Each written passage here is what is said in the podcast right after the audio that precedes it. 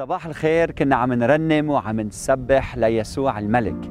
وهلأ حين الوقت لنسمع لرسالة من الكتاب المقدس وإذا أنت أول مرة بتحضر معنا عندي رسالة خاصة لك اليوم. فخليك معنا اسمع لك كل العظة لأنه في بركة خاصة لك السنة الماضية مثل هالوقت كنا عم نحتفل بدخول الرب يسوع المسيح الملك على أورشليم. لكن كانت حقبة ما قبل الكورونا وكنا قادرين كلنا نجتمع مع بعض. فاحضر معي هذا الكليب. وين كنا وشو عملنا.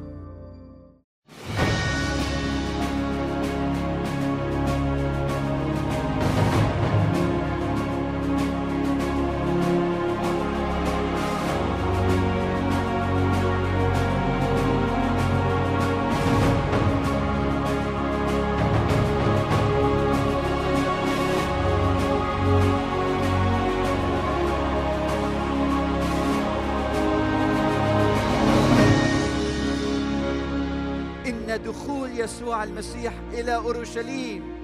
هو دخول الملك إلى مدينته. لكن دخول يسوع كان دخول كرئيس السلام.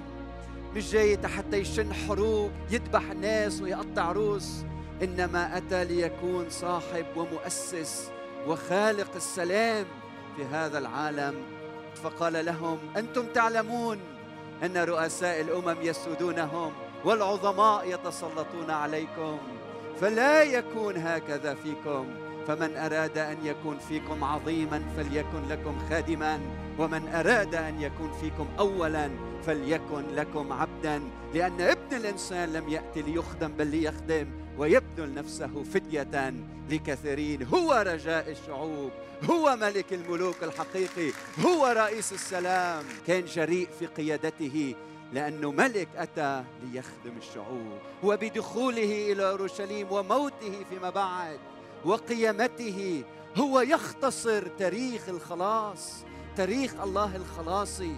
هو يسوع وحده يلي الأنبياء تنبأوا عنه. هو يسوع الملك هو يسوع المخلص هو يسوع الفادي وله يشهد جميع الأنبياء أن كل من يؤمن به ينال باسمه غفران. الخطايا وليس بأحد غيره الخلاص لأن ليس اسم آخر تحت السماء قد أعطي بين الناس. به ينبغي أن نخلص.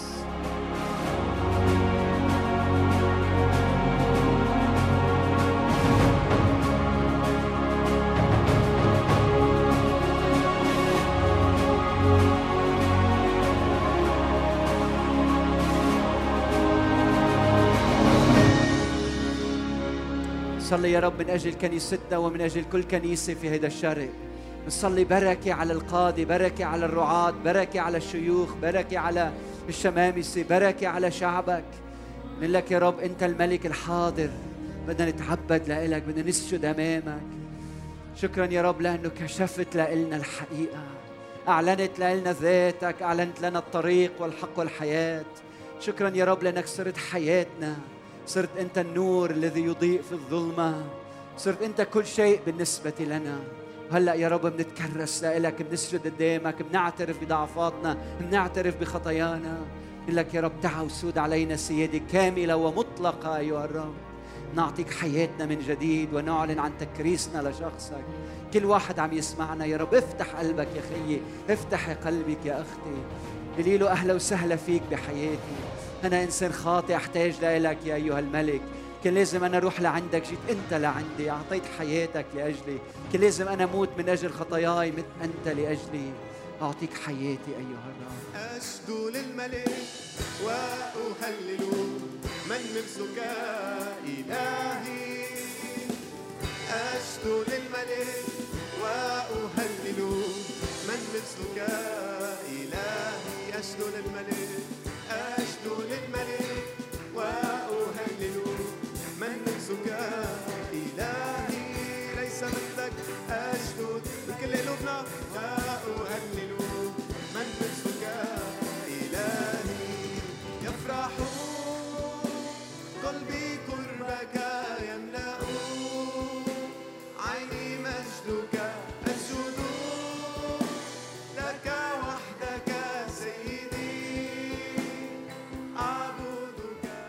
رزق الله على هديك الأيام وإن شاء الله بالمستقبل بترجع وبنرجع نتلاقى مع بعضنا البعض.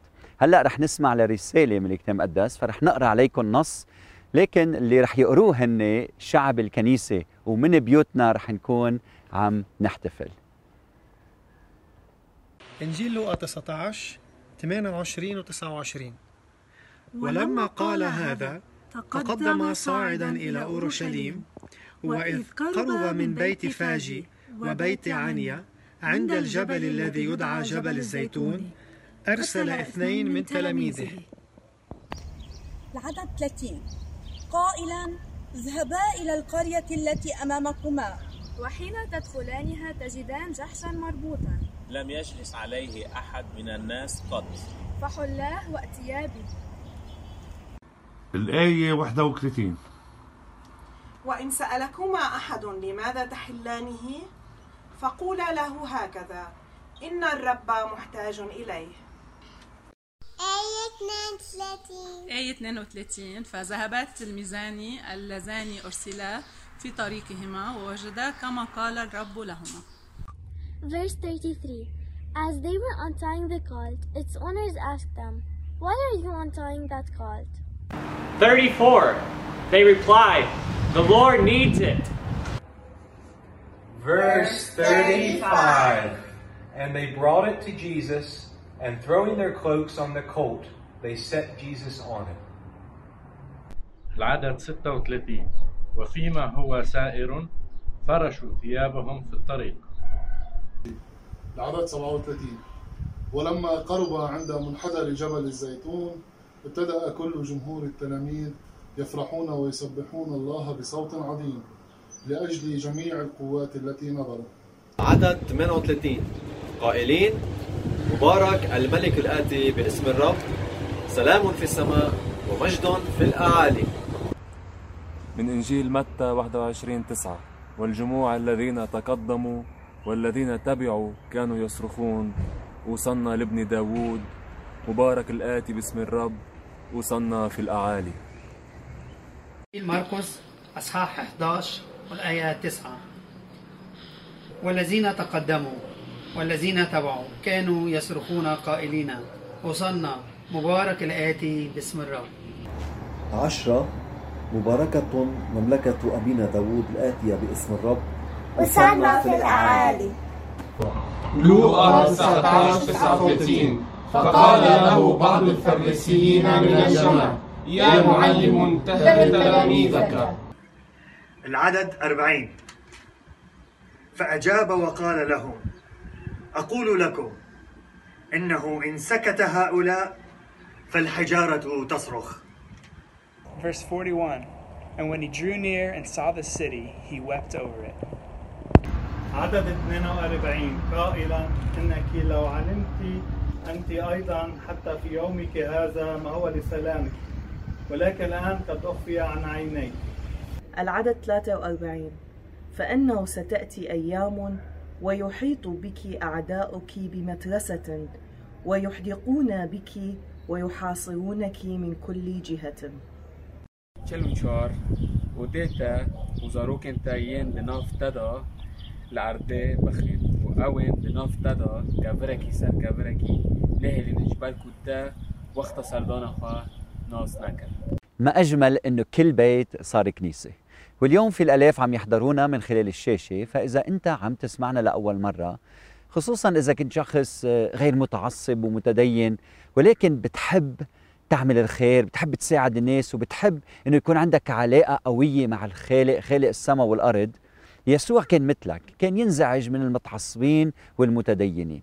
وأكثر من هيك لما دخل إلى أورشليم أورشليم كانت مدينة متدينة جدا لكنه بكى عليها لأنه لما جاء لكي يفتقدها ويخلصها كانت مدينة متدينة لكن تدينها كان تدين أعمى وكانت عم بتعيش بالشر وبالخطية وبعيدة عن ربنا فرفضته وصلبته فبدي أسألك إذا يسوع اليوم دخل مدينتنا ماذا نصنع به؟ إذا يسوع اليوم وقف على باب مدينة قلبك هل بتسمح له أن يدخل؟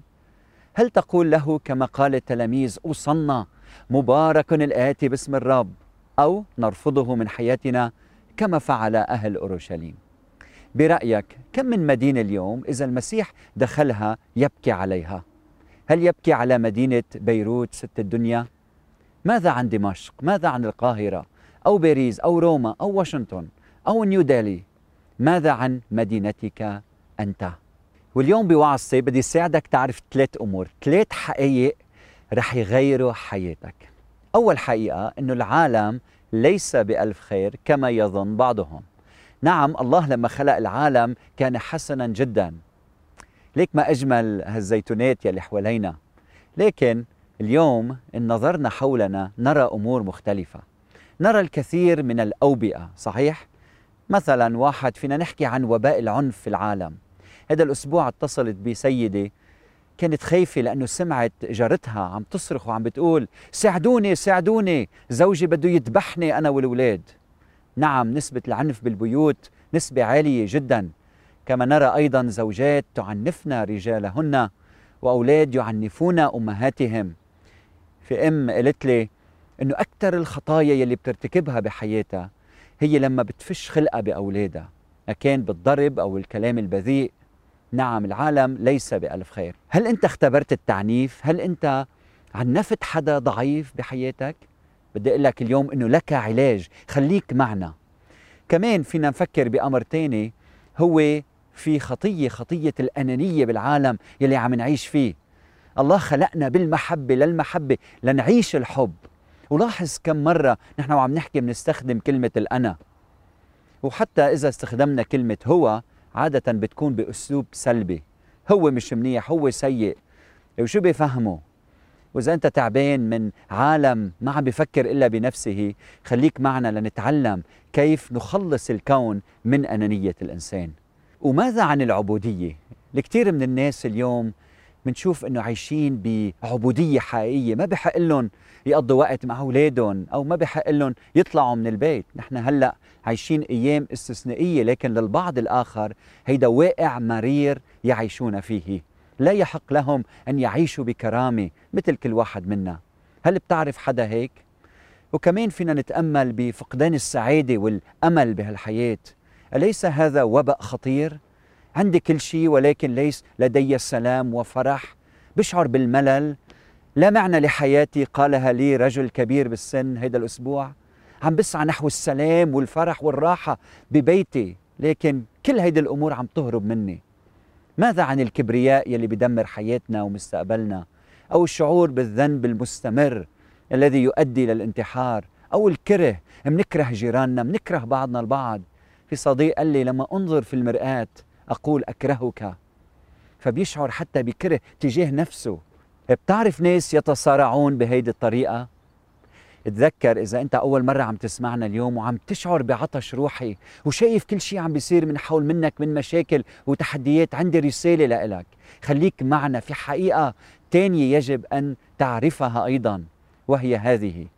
اثنين أن يسوع لديه الحل لمشكلة هذا العالم. انتبه أنه مشاكل العالم ما زالت هي هي.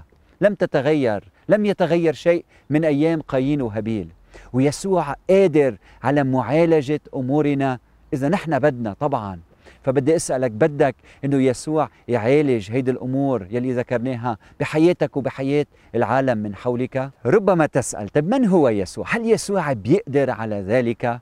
الجواب هو نعم نعم يسوع يستطيع. لازم تعرف أولا أنه يسوع المسيح أتى من أجل المرضى وليس من أجل الأصحاء. يعني إذا أنت مريض بالخطية بالضعف مقيد بلا رجاء بلا سلام بلا فرح إجا مخصوص كرمالك. الأمر الثاني عن يسوع هو أنه يسوع هو اليدين اللتين جبلتا الإنسان. مكتوب به كان كل شيء وبغيره لم يكن شيء مما كان. يعني بواسطته أنت وجدت وتتحرك وتوجد. يعني هو بيعرف كل شيء عنك ليس فقط هو الطبيب لكنه أيضا بيعرف كل خلية في جسدك هو صنعك. إذا الطبيب ما بيعرف شو بيك ما بيقدر يعالجك صحيح؟ وهيدا الطبيب يسوع بيعرف كل شيء عنك وأيضا لديه تاريخك. يعني عندما تلتقي بيسوع ما بيسألك شو اسمك لأنه اسمك منقوش على كفه. ولا مين أهلك لأنه من البطن صورك. ولا خبرني عن طفولتك لأنه مكتوب عنه ليست خليقة غير ظاهرة قدامه بل كل شيء عريان ومكشوف لعيني ذلك الذي معه أمرنا. ورقم ثلاثة لأنه مكتوب عنه أنه هو الطريق والحق والحياة يعني هو الطريق أي لديه العلاج الروحي لكل واحد منا. يعني هو بيقدر يدلنا على الحل وهو الحق يعني عنده العلاج الفعال الذي يعيد لنا العلاقة مع الله. وهو الحياة يعني بيعطينا الحياة وحياة تفيض بالخير وبالبركات. حياة العلاقة الصحيحة مع الله ما أروع يسوع. نعم يسوع ولماذا يسوع؟ لأنه هذا الطبيب ليس فقط ولد وأتى إلى عالمنا ليقف إلى جانب المرضى المنفصلين عن الله. بل أيضا انتبه مات من أجل أولئك المرضى. كيف يعني؟ كيف يعني؟ بكل بساطة البار أخذ مكان المذنب. تحتى المذنب إذا حط ثقته بيسوع المسيح بيصير هو بار. يسوع لم يفعل خطيئة. ليس مصاب بمرض الخطية مثلنا. أتى وصار هو خطية لأجلنا. يعني أخذ مكاننا وأعطانا أن نقف مكانه أبرارا أمام الله. مكتوب أجرة الخطية موت. يعني إذا في فلاح هلأ حول منا عم يشتغل بالأرض واشتغل كل النهار بنعطيه أجرته خمسين ألف ليرة. شو أجرة الخطية؟ لما الإنسان يخطئ ويخطئ ويخطئ ويخطئ أجرة الخطية النتيجة تكون الموت. فأتى المسيح ومات بالنيابة عنا. يعني دخل بشريتنا اتحد معنا حمل هيدي البشرية في جسده وأخذها لتحقيق مصيرها. ومصيرها هو الموت بسبب الخطية لأن أجرة الخطية موت. فعلق يسوع على الصليب ودفع القصاص عنك وعني. لنصبح نحن إذا التفتنا لما صنع يسوع وآمنا به ووضعنا ثقتنا به.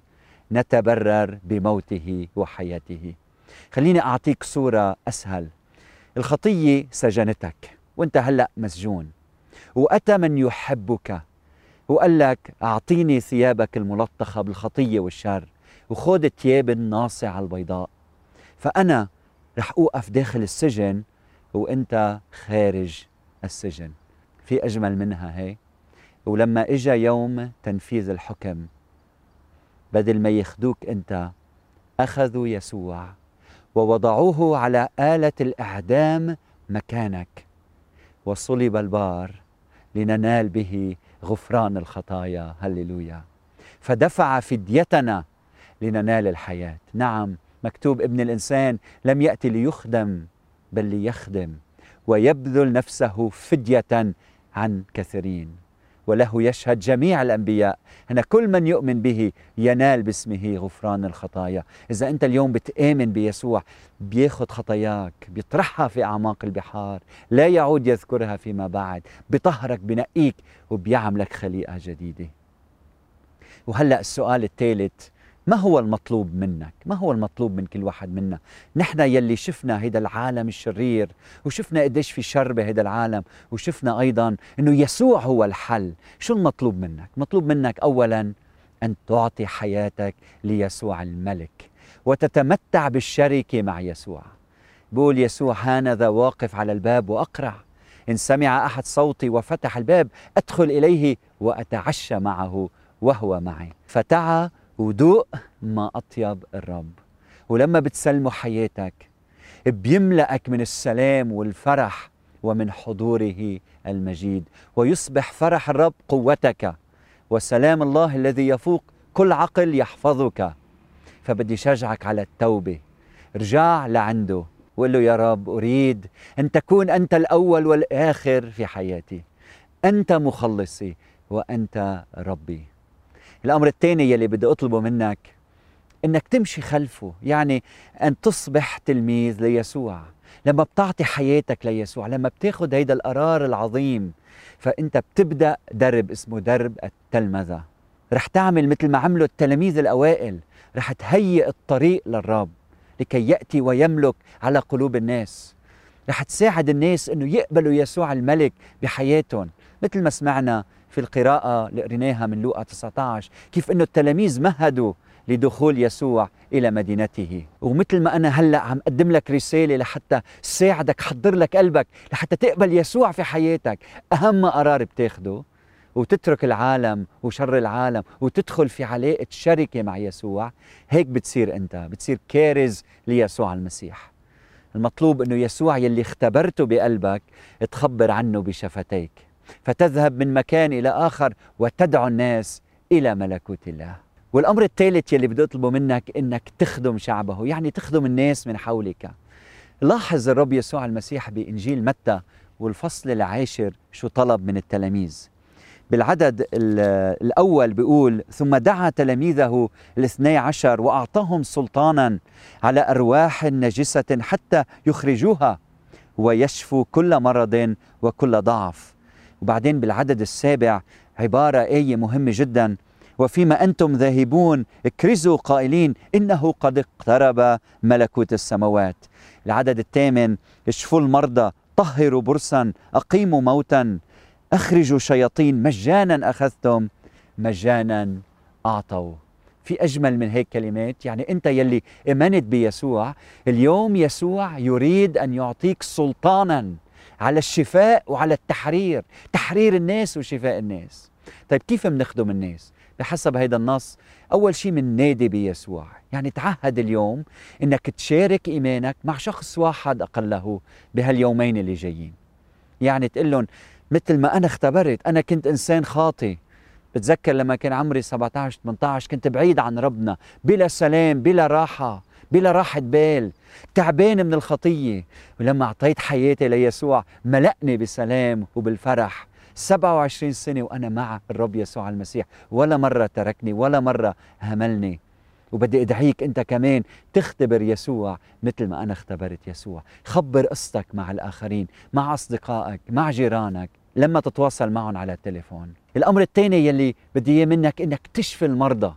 بهذا النص يلي قريته عليكم رب يسوع المسيح أعطاهم سلطان إنه يشفوا المرضى. كيف؟ يعني كل ما تسمع عن شخص مريض صلي من أجله وصلي من أجله بإيمان وتمسك بقدرة الله على الشفاء حتى على إقامة الموتى روحيا وغير روحيا. فاليوم بدي شجعك إنه يزداد إيمانك قوي إيمانك. الله قادر على كل شيء. نعم هو قادر. قوي إيمانك اليوم. فممكن إنك تساعد شخص بشراء دواء له فيشفى. أو شراء طعام فيتقوى فيكون عندك دور مهم هيدي الأيام من خلال التواصل اجتماعي وعلى التليفون إنك تتصل بالناس وتطلب الشفاء لأجلهم. رقم ثلاثة حرر الناس من قيود الشيطان. كيف؟ بالصلاة، بالإصغاء، بأن تعرفهم على يسوع، لأنه إذا ملك يسوع على القلب ينهزم الشيطان. قديش في ناس اليوم مؤيدين من قوى شريرة وروحية. فهيدا دورك. فاليوم بدي شجعك. تحط ثقتك بالله أكثر فأكثر. بدي صلي إنه إيمانك يزيد. إنه إيمانك بيسوع الملك يزداد أكثر فأكثر. في شخص اتصل فيي هالأسبوع وقال لي أنا سمعت عظة الأسبوع الماضي وأنت طلبت منا أشياء مهمة وحدة أن نتوب بس أنا امرأة تائبة. وبعدين طلبت إنه الزوج والزوجة يتصالحوا مع بعض ونحن بالبيت في مصالحة كتير جميلة بيناتنا. فقلت لي ما شعرت إنه في أمر لازم أنا أقوم فيه. فاليوم بدي أطلب منك ومنك ومن كل شخص أمر عملي ومهم جدا وكل واحد منا بيقدر على القيام به. من بعد هيدي العظة بدي منك تتصل بشخص. إذا تعبان شجعه إذا مريض صلي من أجله إذا محتاج مساعدة ساعده. إذا فتح قلبه وشارك همومه وضعفه ساعده أن يتحرر. وإذا شخص ما بيعرف يسوع عرفه على يسوع على معطي الحياة وملئها. فيصبح لدينا عالم أفضل عالم يفرح قلب الله. ربما عم تسأل أنا فيني غير العالم؟